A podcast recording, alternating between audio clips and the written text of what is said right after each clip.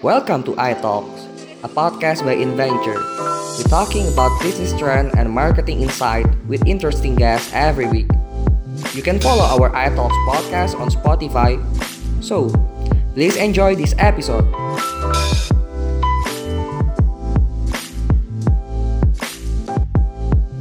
Kita akan bicara tentang Nation Brand Indonesia di ujung tanduk. Apakah ini kolom kabarnya atau based on fakta ya? Yuk kita bahas langsung bersama dengan Mas Yusuf Hadi, Managing Partner in Venture. Selamat pagi Mas Iwo. Halo, selamat pagi. Sehat Mas Iwo? Sehat, Alhamdulillah. Sehat Oke, sekali. baik. Thank you waktunya Mas Iwo. Dan kita hanya berdua ya Mas Iwo ya. Di hadir pula Ya. Pak Budi Rizanto Bino, beliau adalah tenaga ahli co-branding dari Kemenparekraf dan Communication Expert. Selamat pagi Pak Riza.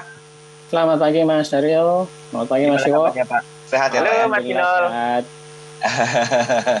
Mas Iwo, di awal tadi saya udah mulai ngelitik nih Mas Iwo. Apakah betul di ujung tanduk? Ini fakta atau hoax? Ayo, silakan Mas Iwo. Mm-mm. Saya elaborasi dulu dari pertama ini. Oke. Eh, teman-teman, jadi seiring dengan adanya eh, second wave ya, jadi di bulan eh, Juni ke Juli, ya, Indonesia itu kan kita berada di juara pertama nih, Mas Daril. Ya. Juara pertama, tapi juaranya nggak enak ya, karena kita baik di kasus harian maupun jumlah kematian kita itu berada di rekor tertinggi di dunia ya. Sekarang sudah mulai membaik, tapi karena media-media dunia sudah mengabarkannya ya, terutama eh, New York Times misalnya di halaman depan mengatakan bahwa Indonesia itu adalah eh, epicentrum ya, new epicentrum setelah India ya. Kemudian setelah itu dan ini rasanya kan ini ya eh, nanti ada second wave, ada third wave, ada ada fourth wave dan seterusnya. Jadi Mhm. memang ancamannya ini akan jalan terus gitu. Dan kita beberapa waktu yang lalu, mungkin eh, dua minggu yang lalu ya, atau bahkan seminggu yang lalu ya, Mhm. itu juga mulai banyak eh, ekspatriat gitu ya, orang dari Jepang, kemudian dari Australia, dari Amerika juga meninggalkan Indonesia gitu ya. Kita ini kayak dikucilkan. Ya, jadi itu pengaruhnya apa di ini berita ini muncul di kira-kira antara dua sampai seminggu eh, seminggu yang lalu. Aha. dan itu apa implikasinya ke brand ya? Ini adalah Aha. bahwa kalau di dalam brand itu bisa macam-macam Mas Daril ya. Oke. jadi bisa di produk bisa ke orang. Kalau orang namanya personal brand ya. Kalau produk namanya produk brand.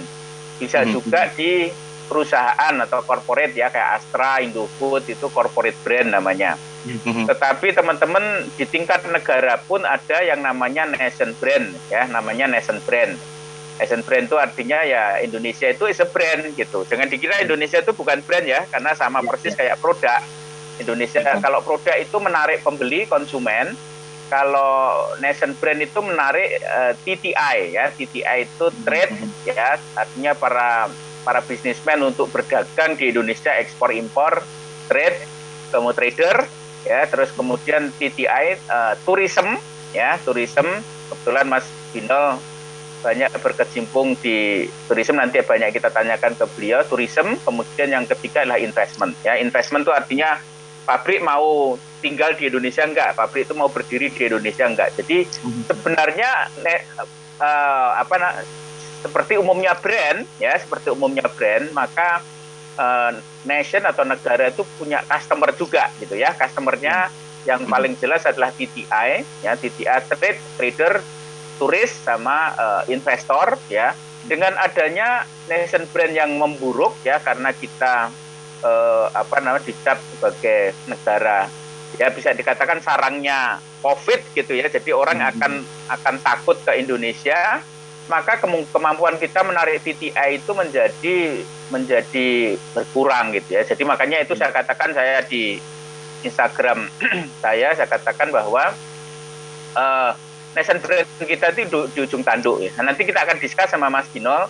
elemen-elemen apa nation brand itu, tapi mungkin untuk untuk intronya kira-kira begitu. Kebetulan saya dulu ya tiga Mhm. tahun yang lalu sampai dengan tiga tahun yang lalu sebelum COVID sama-sama dengan Mas Binol menjadi ten- tenaga ahli eh, Menteri Pariwisata ya. Mhm. Salah satu yang kita eh, rancang dulu adalah nation brand tetapi urung Hmm. urung terjadi rencananya dulu mau di launching pada saat Asian Games sih pembukaan Asian Games ya tetapi kemudian urung terjadi dan uh, apa namanya uh, inisiatif untuk nyusun nation brand di Indonesia itu kemudian nggak tahu sampai sekarang sirna gitu ya sehingga mungkin nggak banyak yang peduli mengenai uh, bagaimana nasib nation brand. Nah di masa pandemi itu mm-hmm. saya katakan nah, ini orang belum banyak sadar ini orang ya. sadarnya yeah. kan bagaimana kita survive melawan pandemi tetapi nanti mm-hmm. begitu selesai pandemi kita akan menghadapi kenyataan di mhm. mana mm-hmm. uh, nation brand itu kita itu buruk reputasinya dan kita akan mengalami kesulitan menarik uh, trader kemudian turis kemudian okay. uh, investor termasuk orang yang pengen tinggal di Indonesia itu okay. akan menjadi orang nggak akan tertarik ditinggal. Kalau Singapura itu terkenal sekali bagaimana Singapura itu menarik trader, menarik turis dan menarik investment dan termasuk menarik orang untuk tinggal di Singapura ya dapat insentif dan seterusnya. Uh, karena Singapura sangat peduli dengan uh, membangun dan memasarkan uh, nation brand-nya. Mungkin okay, pengantarnya itu. Ini melihat uh, Indonesia as a nation brand. Apakah betul memang sudah berada di ujung tanduk dan apakah ini tidak bisa kembali untuk dilakukan apa istilahnya mungkin rebranding kah atau apa pun lah namanya sehingga kata-kata di ujung tanduk ini tidak layak untuk disematkan kembali nih. Uh, amannya mungkin hanya selama pandemi saja mungkin uh, Pak Bino. Silakan komentar Pak Bino. Ya, sebenarnya kalau misalnya uh, saya disuruh komentar secara pribadi ya, saya pribadi sepakat dengan Mas Dio. Yes. Brand kita uh, secara nasional uh, memang di ujung tanduk. Ya, kenapa? Uh, karena kondisi pandemi yang semakin memburuk. Tapi ya. sebenarnya kalau buat saya uh, di ujung tanduk ini harusnya bisa dikurangin apabila ada komunikasi dari uh, atau ada transparansi komunikasi sebenarnya. Karena kan sebenarnya uh, semua komunikasi itu terjadi di last minute dan uh, tidak ada transparansi ya. Kenapa begini, kenapa begitu uh, terkait dengan nation brand itu uh, soalnya ada penilaian uh, apa ya bilangnya public opinion. Ada public opinion yang sebenarnya juga membentuk dari nation brand itu sendiri Nah, public opinion ini kan terbentuk uh, menghadapi atau terhadap pemerintahan yang ada sekarang. Mhm. Nah, sehingga uh, berbagai macam kebijakan yang diambil itu ya sebaiknya tidak diambil begitu aja, tapi harus ada transparansi dan komunikasinya yang secara baik dan tertata sebenarnya sehingga tidak uh, tidak last minute sehingga mungkin di ujung tanduk bisa dihindari, tapi dengan kondisi saat mhm. ini yang uh, pemberitaan tentang penanganannya bagaimana dan sebagainya ini sangat kurang, ya, justru yang diangkat oleh media-media internasional adalah seberapa parahnya Indonesia terhadap ya. pandemi. Ya, ya. Karena seberapa parahnya yang diangkat, ya brand kita adanya di ujung tanduk. Brand ini kan ada brand ini kan intangible ya, abstrak. Ya. Adanya di persepsi kita masing-masing nih soalnya. Ya, ya. Kita bermain dengan persepsi. Kalau kita bermain dengan persepsi, kalau saya bilang kopi itu pahit, walaupun saya kasih gula, Mas Daryl percaya nggak kopi itu pahit? Iya. Pengalaman Mas Eri kalau selalu minum kopi pahit ya pasti akan bilang iya kopinya pahit padahal manis sebenarnya. Iya, iya. Ini kan ya, ya. tergantung bagaimana cara berkomunikasi sih, eh, sehingga ini yang sebenarnya uh, bisa menghindari kalau ya. dilakukan secara baik dan benar gitu nah, ya Mas. Jadi itu nah, itu persepsi kalau produk kan persepsi konsumen. Sekarang nah, ini yang terjadilah persepsi dunia internasional, Daril. Jadi ah, persepsi dunia internasional, masyarakat internasional terhadap Indonesia Nah, sekarang yang terjadi karena kita itu tidak ada ya apa namanya dimaklumi ya karena kita ini kan mm-hmm. lagi gusar lagi bingung gitu ya menghadapi uh, pandemi sehingga mm-hmm. kemudian strategi komunikasi untuk atau manajemen komunikasi untuk mengelola informasi mengenai kemampuan kita mengelola pandemi itu tidak ada gitu. Siapa hmm. yang bertanggung? Nggak ada. Bertanggung jawab itu nggak ada. Karena ya kita bingung kan ini kasusnya naik terus dan seterusnya. Jadi buru-buru mikirin komunikasi gitu. Tapi hmm. karena kita nggak mikirin dan kita bingung itu justru dilihat oleh masyarakat internasional kita ini ya tidak sanggup me, yeah. me, mengelola COVID ini dan itu kemudian membentuk persepsi ya. Mm -hmm. dan memang kemudian kasusnya kan kasusnya kan tinggi sekali ya jadi yeah. apa namanya Eh, sama lah bukan cuma kita aja ya jadi India hmm. ngalami itu ketika kasusnya sampai 300 kita aja mungkin masih oke okay ya masih belum sampai 60 ya eh, kasus hmm. sehari puncak ya uh, ya. India bisa sampai 100 sampai 200 sampai 300 Amerika sekarang sudah sampai uh, dulu Januari itu di atas 100 sekarang juga di atas 100 gitu. Jadi uh, apa namanya bukan hanya kita aja tapi artinya dengan kita ini tidak mampu nggak ada. Tadi Mas Binol bilang ya jadi nggak ada satu strategi atau manajemen komunikasi untuk mengelola informasi yang sampai ke dunia internasional ini gitu. Sehingga yang dipercaya itu kalau di marketing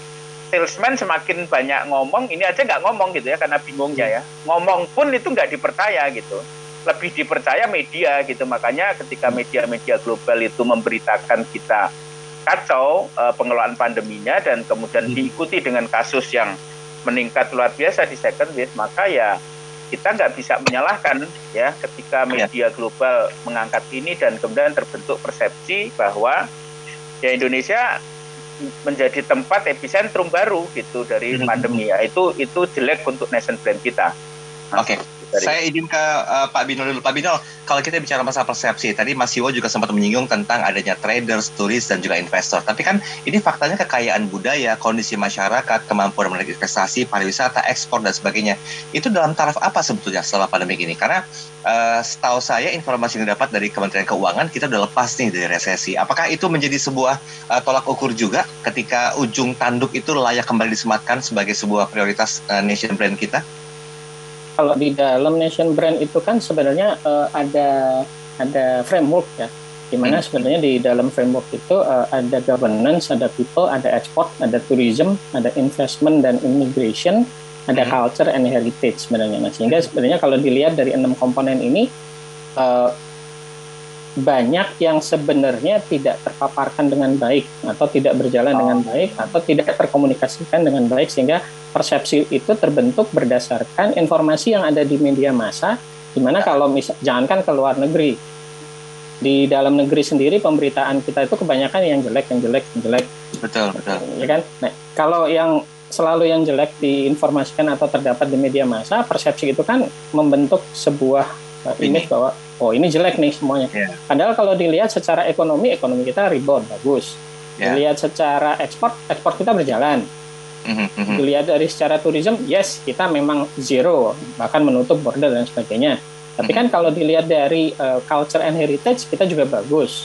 Investasi kita belum belum bergerak turun dalam arti kata masih stabil sehingga yeah. orang uh, investasi yang ada di Indonesia masih berada di Indonesia. Ini sebenarnya kan kalau secara data hmm kita masih bagus sebenarnya. Tapi kan lagi brand itu kan bermain dengan persepsi ya. Seberapa banyak informasi terkait dengan pembentukan persepsi bahwa kita ini sedang kondisi bagus atau tidak ini kan bergantung dari apa yang kita baca, apa yang kita dengar, apa yang kita lihat. Setuju. Nah, kalau yang baik-baik ini tidak tampak baik secara hmm. pendengaran, pembacaan, visual, kemudian dilihat, didengar, ya, ya gimana kita mau memiliki persepsi bahwa Indonesia baik-baik saja apalagi kalau pemberitanya selalu ya selalu jelek selalu jelek ya. Ngeri juga jadinya. Padahal kalau misalnya dilihat mungkin jeleknya hanya karena pandemi. Sisi-sisi ya, lain ya. untuk brand masih berjalan dengan baik. Ini, ini sebenarnya yang harus diperhatikan. PR bersama juga ya Pak Binol ya. Bukan hanya Kemenparekraf saja yang harus bisa memboosting brand Indonesia lagi as a nation ya Pak Binol ya? Kalau secara nation brand harusnya komandonya ada di pucuk pimpinan Okay. Bahkan kalau di dalam sebuah brand sendiri, uh, Mas Iwo mungkin bisa nanti bisa mempertegas bahwa uh, pandemi ini kan sebenarnya masa krisis. Yeah. Di sebuah situasi krisis itu top manajemen ataupun uh, pimpinan tertinggi harusnya mengambil kendali yang kemudian selalu tampil memberikan keyakinan kepada mm-hmm. uh, publiknya bahwa kebijakan atau apa yang akan saya jalankan atau arah yang sedang berjalan ini sesuai dengan kemauan saya dan sesuai dengan yang terbaik misalnya ya ini kan hmm. uh, praktek di korporasi terhadap sebuah krisis ini kan di own oleh uh, pucuk pimpinan nah ini yang ya. sebenarnya uh, harusnya bisa muncul dan dikomunikasikan jadi searah semuanya nah, ini hmm. yang juga membentuk persepsi sebenarnya ya saya mungkin di sesi ketiga ini mau lebih fokus ke peran elemen dari governance nih uh, dalam Nation Brand Indonesia di masa pandemi seperti apa mungkin Mas Iwo boleh uh, memberikan sedikit komentar sebelum nanti dilengkapi oleh Pak Bino silakan Mas Iwo oke okay. Eh, teman-teman, tadi Mas Binol sudah menceritakan bahwa uh, apa namanya di masa pandemi ini, ya di masa pandemi, uh, sorry, uh, elemen dari nation brand itu macam-macam tadi ya, ada investment, mm-hmm. ada tourism, ada ekspor, ya, ada people. Nah, people itu artinya bisa Bali lah ya. Kenapa mm-hmm. orang suka ke Bali?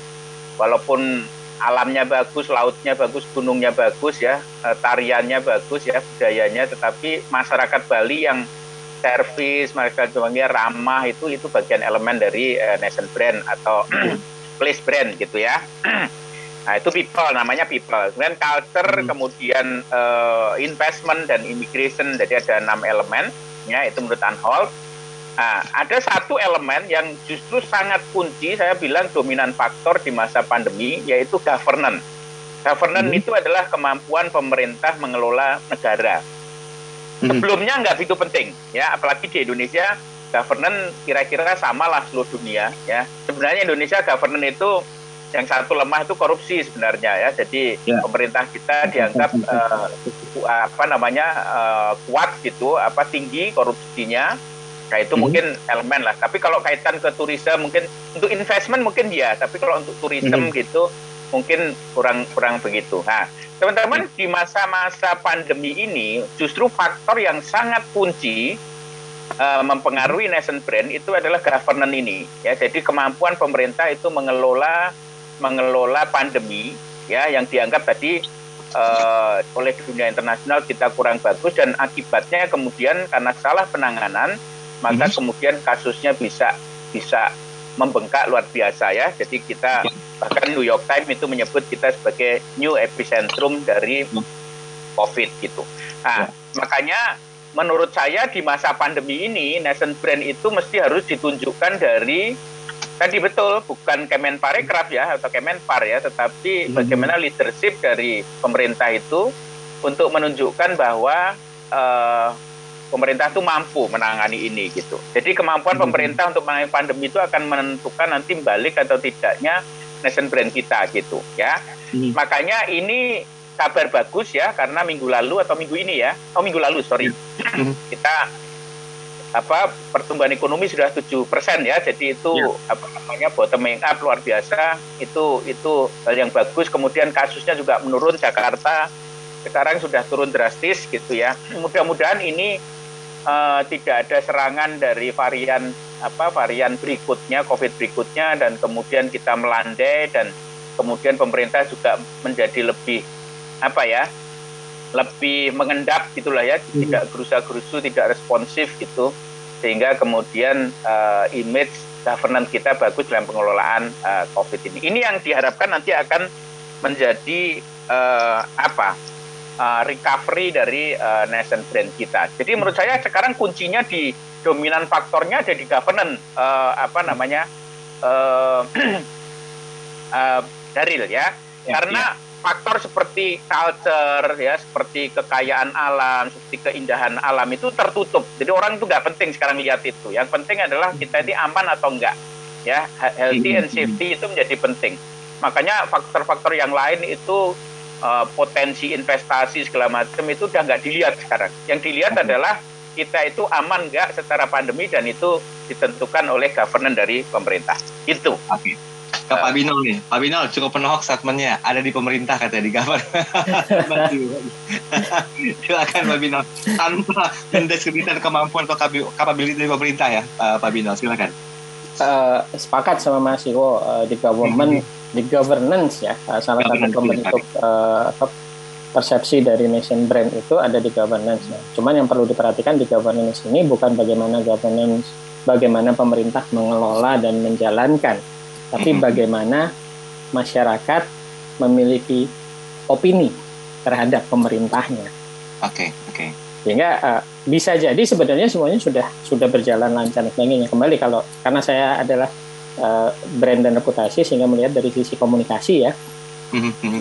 Ada ada ketersumbatan uh, arus informasi yang uh, membentuk uh, opini masyarakat atau publik itu menjadi uh, tidak baik karena kan uh, media massa uh, asumsi uh, bukan asumsi uh, pemberitaan di dalam media massa ini kan uh, kebanyakan kalau saat ini ya kebanyakan atau di pemerintahan kebanyakan itu terbentuk dari informasi-informasi uh, yang ada di uh, di masyarakat dan mudah ditemui sehingga bisa di, dijadikan sebuah informasi. Yes, nah, yes.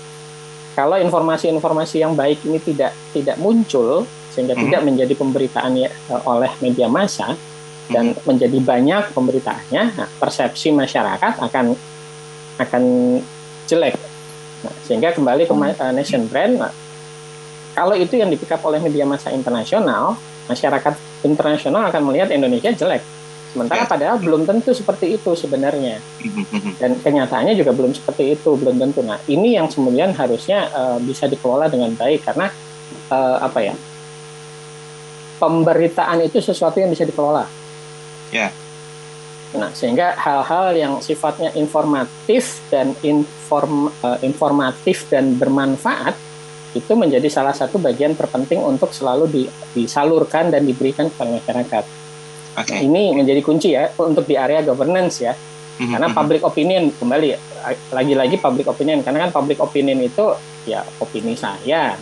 Sehingga uh, opini saya terhadap sesuatu uh, apakah itu sesuai dengan tidak kan bergantung dengan apa yang saya serap berdasarkan dari informasi dan sebagainya kan. Kemudian yang kedua kalau di dalam brand itu yang sebenarnya menjadi kata kunci adalah komitmen. Mm-hmm. Nah, komitmen ini uh, perannya sangat penting. Karena dalam membuat dalam membentuk sebuah brand ini uh, sesuatu yang dijalankan strategi uh, brand yang dijalankan itu harus konsisten dan terus berkala.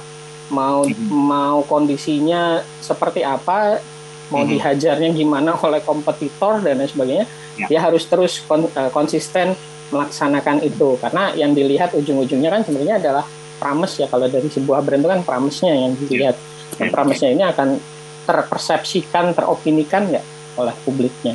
Gitu okay. sih Mas Fadil. Baik begini, uh, sebelum saya ke Mas Siwo nanti di sesi terakhir, Pak Binol, ini kan persepsi sudah terlanjur terbentuk ya di mata internasional bahwa ya bla bla bla segala macam. Saya tidak mau kembali menegaskan gitu loh. Tapi saya melihat kalau kita bertahan dengan keadaan itu akan akan betul-betul maksimal di ujung tanduknya. Nah, uh, bagaimana kira-kira peran masyarakat juga bisa berkontribusi untuk bisa membalikan keadaan agar semua fakta kemudian juga semua hal yang berhubungan dengan berita kebaikan itu bisa menjadi sebuah uh, tolak ukur kembali ketika nation brand kita di ujung tanduk, Mas apa Binol? Uh, kepatuhan masyarakat terhadap pemerintah itu salah satu poin kunci yang uh, apa bisa memberikan daya dorong persepsi dunia internasional terhadap brandnya Indonesia karena uh, yang namanya patuh pemerintah pemerintah memberikan anjuran, pemerintah memberikan kebijakan. Kalau masyarakatnya patuh, tidak banyak uh, ketemu di media sosial komplain, kritik yang keras dan sebagainya. Ini media media internasional kan juga akan melihat oh uh, antara pemerintah dan masyarakatnya saling saling sinergi nih, okay, saling okay. Uh, bahu membahu, saling bersama-sama, saling gotong royong uh, melaksanakan apa uh, menghadapi pandeminya supaya bisa ter, terkendali dan sebagainya nih. Ini kan kembali lagi persepsi ya, opini yeah, jadinya. Yeah. Ini akan bisa sangat membantu uh, mengurangi ujung tanduknya tadi, kalau saya hmm. bilang.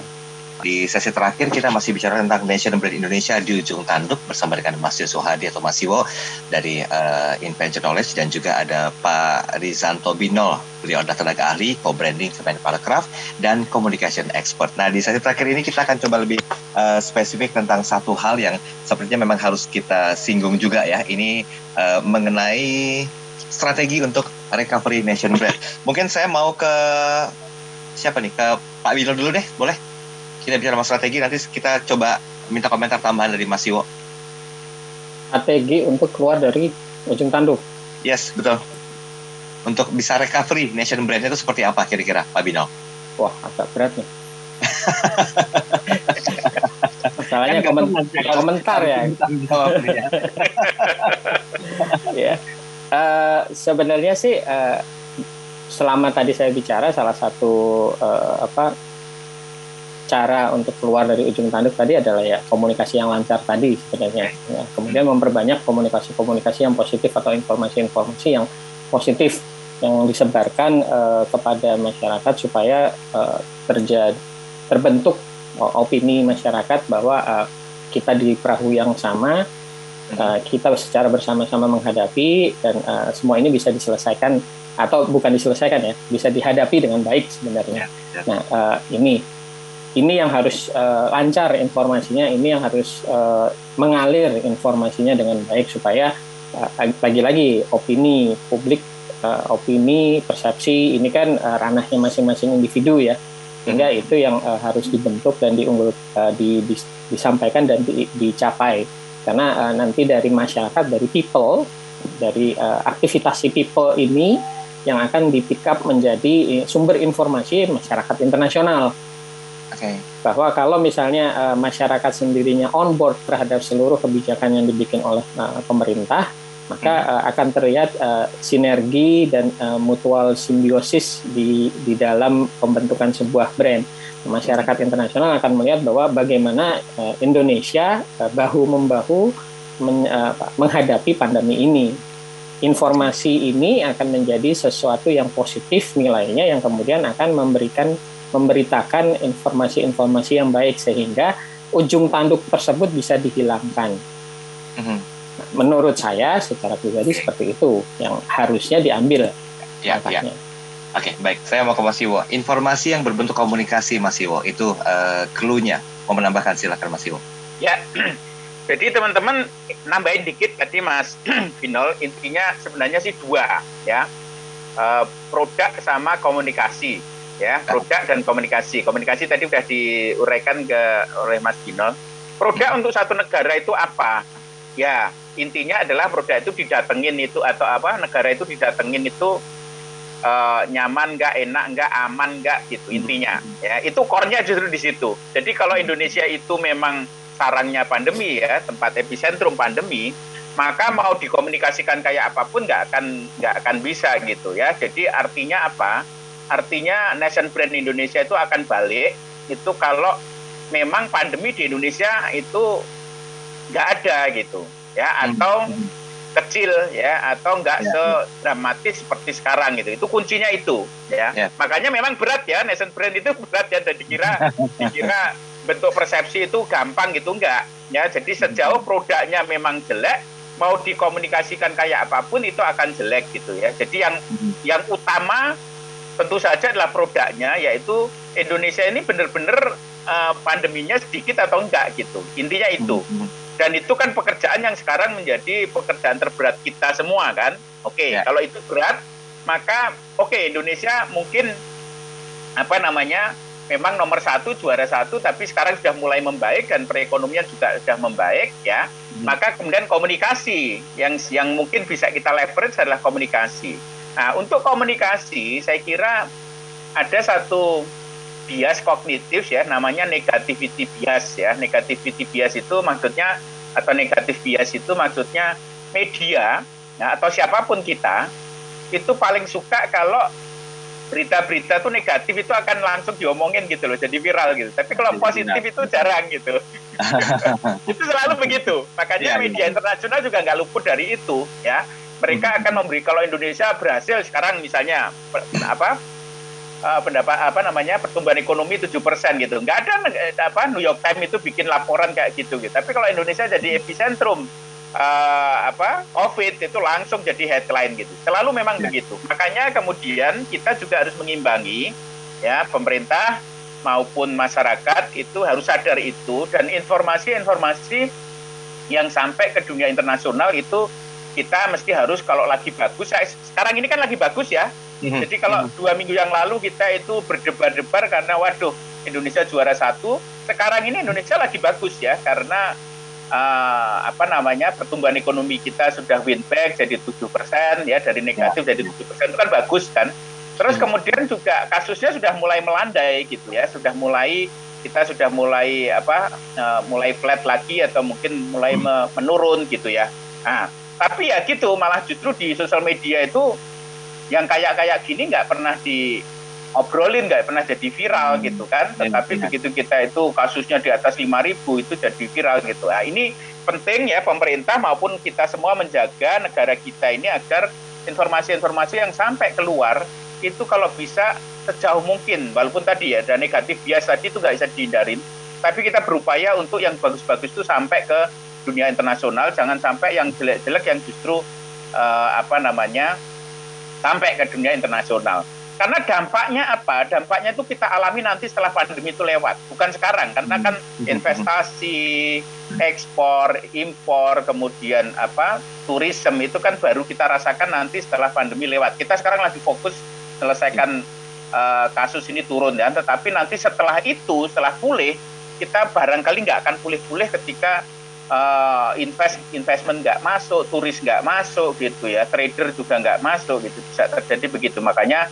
di masa sekarang kita mesti harus uh, kelola itu dengan bagus. Dan menurut saya pemerintah nggak ada strategi untuk itu karena uh, fokusnya masih menurunkan angka itu ya penularan ya. itu. Jadi hmm. mulai pemerintah juga harus mulai memikirkan untuk strategi branding uh, nation brand keluar ini mulai dipikirkan karena nanti dampaknya akan kita rasakan setelah pandemi ini lewat gitu. Oke, okay, berarti ada uh, ada dua poin penting ya Mas Yo. Yang pertama adalah tugas pemerintah dan juga bersama masyarakat Indonesia untuk menurunkan uh, apa namanya kasus COVID-19 dan betul. kembalikan bahwa nation brand Indonesia itu tidak lagi layak untuk dijung tanduk ya. Uh, terakhir saya mau menanyakan, kira-kira uh, estimasi waktunya berapa tahun ke depan?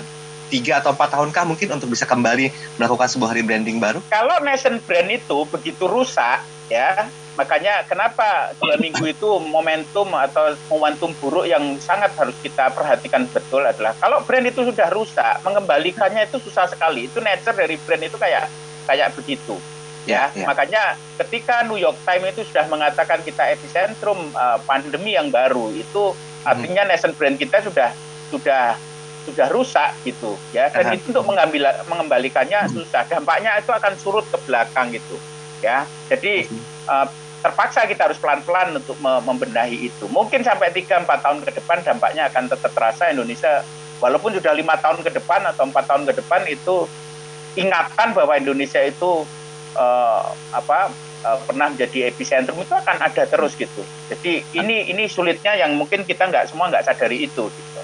Oke, okay, baik. Dua menit terakhir saya mesti bagi waktu. Saya mau ke Pak Bino dulu. Pak Bino, kita ambil konklusinya sebelum nanti ke Mas Iwo, kita closingnya. Silakan Pak Bino. Uh, dari saya uh, untuk uh, supaya nation brand kita tidak tidak berada di ujung tanduk, nah, diperlukan sinergi antara masyarakat dengan pemerintah. Perlunya ada informasi terbuka, transparan dan sebaiknya yang positif-positif saja supaya uh, terembus dan terbooster. Uh, ya. Selain itu ya kita sebagai warga masyarakat harus mendukung apa pun yang sudah menjadi kebijakan karena itu hmm. akan membantu uh, kita sendiri akhirnya keluar dari ujung tanduk brand nation ini. Itu okay. sih kalau dari saya. Ya, Mas Iwo, silakan statement closing. Ya, kira-kira sama. Jadi intinya teman-teman uh, ini memang bukan hanya tugas pemerintah. Kita hmm. semua harus menjaga negara ini agar apa-apa informasi yang sampai ke dunia internasional. Nggak apalah, mungkin media sosial kita ini jelek-jelekin apa segala macam viral yang buruk-buruk hoax segala macam tapi mm-hmm. begitu sampai ke dunia internasional kita mesti harus jaga bahwa uh, Indonesia itu masih kondusif untuk TTI ya trade yeah. tourism and investment gitu ya mm-hmm. karena apa karena ini dampaknya nanti akan bukan sekarang ya dampaknya itu nanti setelah pemulihan ketika pemulihan negara lain sudah mulai menggeliat ya bagus gitu tapi kita ini akan sulit menggeliat karena uh, apa namanya TTI-nya nggak jalan gitu. Ini sekali lagi eh, uh, PR bersama bahwa ternyata nation brand itu mencerminkan citra dan reputasi suatu negara di mata masyarakat internasional ya, yang memungkinkan eh, uh, negara itu unggul dalam menarik trader, turis dan juga para investor. Mas Iwo, terima kasih banyak waktunya pagi hari ini. Pak Rizanto Bino, terima kasih juga waktunya. Sama-sama Mas, Sadaril. Terima kasih. Terima ya.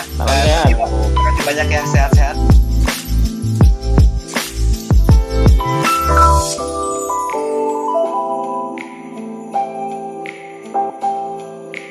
Bye.